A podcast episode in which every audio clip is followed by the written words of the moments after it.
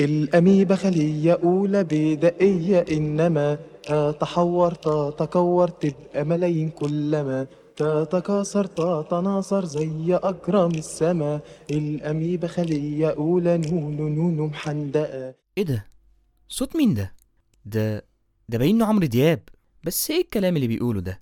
الاميبا خلية أولى بدائية إنما تتحور تتكور تبقى ملايين كلما تتكاثر تتناثر زي أجرام السما الاميبا خلية أولى.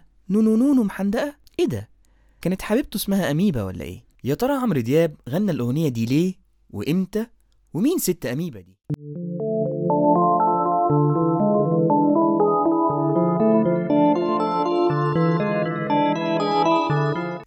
أهلا بيكم. أنا اسمي نصر أحمد نصر وهجاوبكم على كل الأسئلة دي. بس هناخدها حبة حبة. في بودكاست العلوم للكل. العلوم للكل بودكاست لكل الناس. هنقدم لكم فيه العلوم بشكل مبسط وسهل ومفهوم.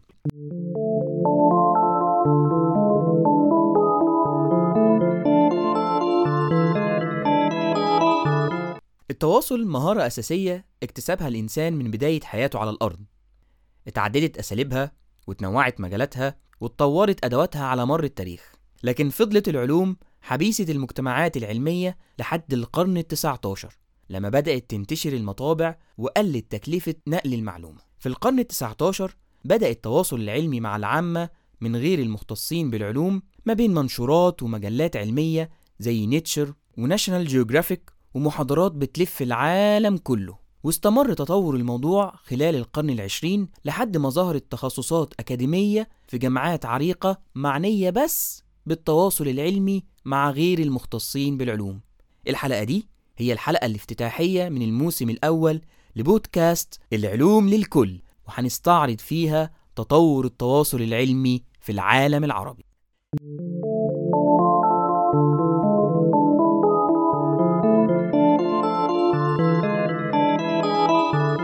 وفي عالمنا العربي كان في بعض المحاولات اللي قام بيها العلماء عشان يقدروا يوصلوا اللي تحصلوا عليه من علوم للجمهور من العامة.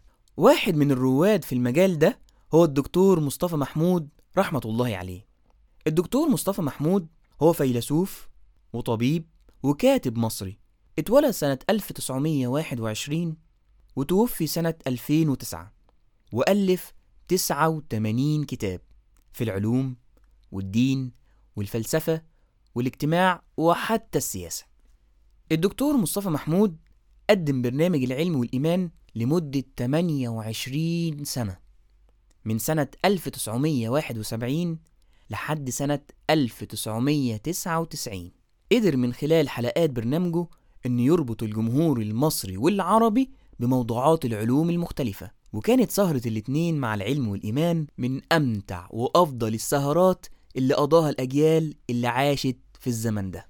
قدرة الدكتور مصطفى محمود على تبسيط المعلومة المعقدة لمفردات يفهمها رجل الشارع كانت هايلة لدرجة إن نقاشات الناس تاني يوم الصبح بعد حلقات العلم والإيمان كانت كلها بتناقش اللي قاله الدكتور مصطفى محمود في برنامجه الليلة اللي قبلها. وحاسبكم دلوقتي مع مقطع صوتي صغير للدكتور مصطفى محمود وهو بيحاول يبسط لجمهوره مصطلح الفيروس. هسيبكم تستمتعوا مع العلم والإيمان ومستنيكم عشان نكمل حكايتنا. في الواقع الفيروس كائن عجيب. كائن يقع على الحد الفاصل بين مملكة الموت ومملكة الحياة. يعني نصف حي نصف ميت. زي دراكولا. فاكرين دراكولا اللي شفتوه في السينما؟ الكائن العجيب اللي تشوفوه ممدد في التابوت طول النهار تلاقي دراكولا ده راقد في التابوت ممدد ميت زي جثة تمام تمام. ساعة ما يجي الليل يهب من رقدته ويهوم كالخفاش ويقع على ضحاياه فيمتص دماءها في اللحظة اللي بيتذوق فيها طعم الدم يشعشع بالحياة. نفس الحكاية في الفيروس. الفيروس عبارة عن مادة ميتة بلورات. لكن لحظة ما تلامس خلية حية هذه البلورات تتحول إلى كائن شيطاني. تطعن الخلية وبالمخالب بتاعتها تحقن الخلية بمادة مش بس العلماء اللي كان ليهم اهتمام بتوصيل العلوم للناس لكن كمان في فنانين حاولوا يقوموا بالدور ده. ظهر ده مع محاولات الفنان عمرو دياب من خلال أغنيتين قدمهم في الثمانينات وتحديدا سنة 1984 بيتكلم فيهم عمرو دياب عن موضوعين علميين. الأغنية الأولى كانت عن الأميبا والأغنية التانية كانت عن البلهارسيا قدر من خلالهم عمرو دياب إنه يقدم معلومة علمية صحيحة بشكل مبسط لمستمعيه وقابلت نجاح في الوقت ده. نسمع مع بعض مقطع من أغنية عمرو دياب الأميبا ونرجع نكمل حكايتنا. الأميبا خلية أولى بدائية إنما تتحور تتكور تبقى ملايين كلما تتكاثر تتناثر زي أجرام السما الأميبا خلية أولى نون نون محندقة الحقيقة عمرو دياب قدر يقدم وصف جيد للأميبا فمن حيث تصنيفها فهي فعلا من الأوليات الحيوانية وده بيطابق وصف الأغنية الأميبا خلية أولى بدائية إنما. ولو اتكلمنا عن طريقة تكاثرها فخلية الأميبا تقدر تبقى مليون خلية بالفعل في عشر ساعات. من خلال طريقة تكاثرها اللي اسمها الانقسام الثنائي. وده برضه بيطابق وصف عمرو دياب تتحور تتكور تبقى ملايين كلما تتكاثر تتناثر زي أجرام السماء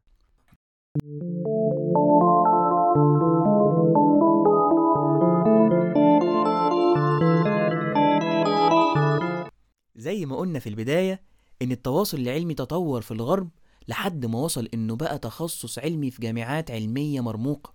كمان ظهرت مسابقات بتدعم مفهوم التواصل العلمي عند الشباب. واحدة من المسابقات دي هي مسابقة مختبر الشهرة. ودي مسابقة بينظمها المجلس الثقافي البريطاني مختصة بتبسيط العلوم ونشرها للعامة من غير المختصين بالعلوم. بيقوم فيها المتسابق بعرض فكرة علمية صحيحة ومبسطة للجمهور من غير المختصين بالعلوم وغير مسموح فيها باستخدام أي برامج عرض زي الباوربوينت وغيره من البرامج. وكل ده في ثلاث دقايق بس. وصلت المسابقة للعالم العربي في سنة 2009 وشارك فيها كتير من الشباب. واحد من رواد المشاركين في المسابقة دي هو الدكتور محمد السنباطي.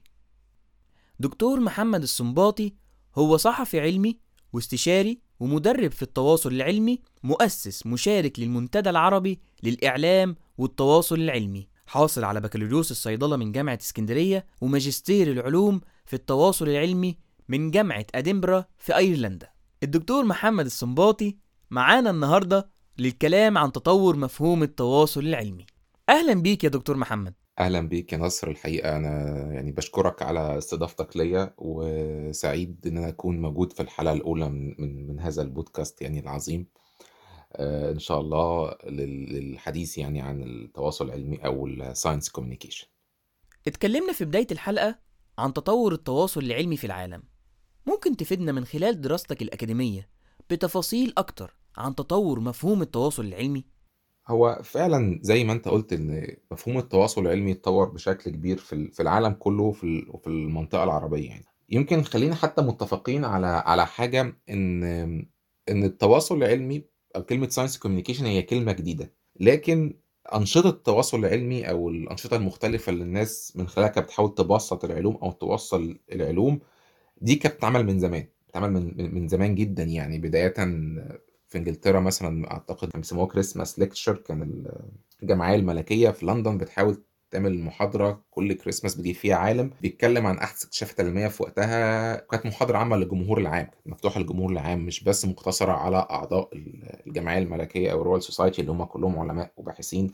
حاجات زي مجلات زي National Geographic زي Scientific American زي ما أنت ذكرت يعني في المقدمة. كل ده كان بيحصل زمان بس الناس ما كانتش بتسمي ده science communication برضك نفس الموضوع في المنطقة العربية كان في محاولات كتير كان في كتب كتير بتتكلم عن نشر الثقافة العلمية ونشر الوعي العلمي ده دايما كان يعني المصطلح المستخدم. التواصل العلمي بالشكل اللي إحنا عارفينه دلوقتي الناس بتحب تسميه كده modern science communication التواصل العلمي يعني الحديث.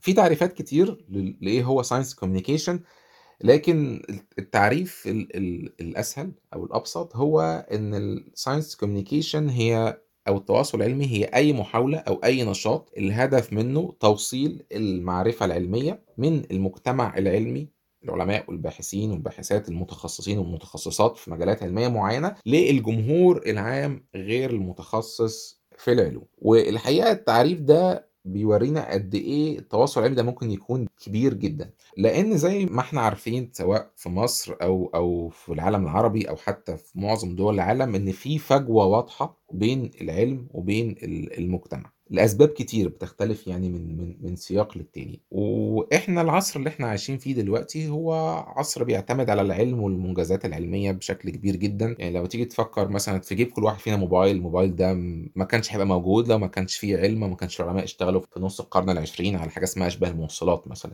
أو على زي ما حصل في جائحة كورونا البشرية قدرت تتغلب على محنه عظيمة وهائلة وكان ممكن يبقى عدد الوفيات أكبر بكده بكتير بسبب العلم. إحنا تمكنا في وقت قصير جدا ندرس الفيروس نفهم هو بيشتغل إزاي يبقى عندنا استراتيجيات للتعامل معاه وطورنا يمكن لقاح في زمن قياسي يعني. آه، والموضوع كله في الآخر اتلم في سنتين. يعني ده لما كانت بتحصل أوبئة زي كده مثلا في القرون الوسطى كنت بتتكلم إن ممكن يقعد مثلا وباء 30 40 واحيانا بيوصل 100 سنة في بعض المناطق مثلا زي ما كان بيحصل في الطاعون في أوروبا يعني في القرون الوسطى.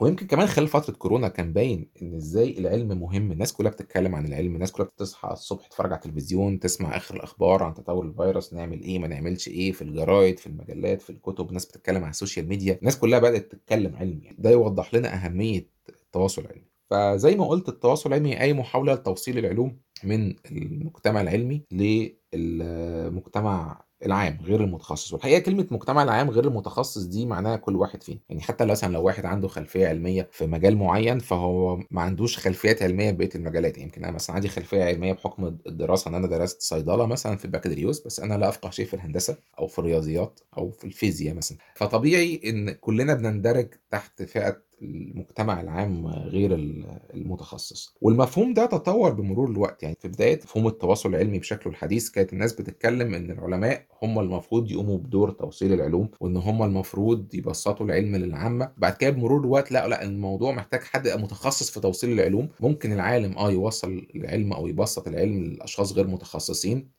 على قدر مهاراته لكن حقيقي التواصل العلمي هو محتاج مهارات أكتر من كده لأنه متعلق بالتواصل. أنت مش بس بتحاول تشرح أو تبسط العلم أنت بتحاول تبسط إزاي العلم بيشتغل بتحاول تبسط فلسفة العلم بتحاول تبسط العلاقة وال- والديناميكيات العلاقة بين العلم وبين المجتمع وبين الإعلام وبين التاريخ وبين الفلسفة. كل الحاجات المرتبطة بالعلم دي متعلقة بالتواصل العلمي عشان كده هو حتى أكبر من مفهوم التبسيط العلوم أو كلمة تبسيط العلوم. في أنشطة كتير زي ما قلت ممكن التواصل العلمي إحنا اتكلمنا عن ال ال informal science education أو بيسميه تعليم العلوم غير الرسمي اللي هو أي نشاط بيحاول يدرس فيه العلم بره الإطار التقليدي بتاع المدرسة والمنهج أو الجامعة والمنهج والامتحان. من خلال بقى أنشطة كتير زي المتاحف العلمية زي ال- المعارض العلوم زي ال- المهرجانات العلمية زي ال- العروض العلمية كل الحاجات دي. من ضمن الحاجات الوسائل التانية فكرة آه، شعبنة العلوم أو بنحاول إن إحنا نخلي العلوم جزء من الثقافة الشعبية أو pop culture زي اللي بيحصل الفيديوهات اللي بنشوفها مثلا على اليوتيوب الكتب اللي بتحاول تتكلم عن العلم بأسلوب بسيط البوستات اللي بنشوفها على على الفيسبوك وال- وال- وال short videos على التيك توك الحاجات دي كلها بتندرج تحت بند شعبنة العلوم أو اللي هو بيسموها science popularization دكتور محمد متشكرين جدا على وقتك معانا في بودكاست العلوم للكل. أنا بشكرك جدا الحقيقة على يعني استضافتك ليا النهارده الحديث يعني عن تجربتي المتواضعه في عالم التواصل العلمي وال science communication في النهاية بنشكركم على حسن استماعكم وبنفكركم تبعتوا لنا تعليقاتكم وآرائكم على إيميل البودكاست science.podcast.eg at gmail.com وما تنسوش تبعتوا لنا تسجيلاتكم اللي هتقدموا فيها موضوعات علمية صحيحة بشكل مبسط ومفهوم على نفس الإيميل science.podcast.eg at gmail.com عشان نعرضها في الحلقات الجاية من بودكاست العلوم للكل.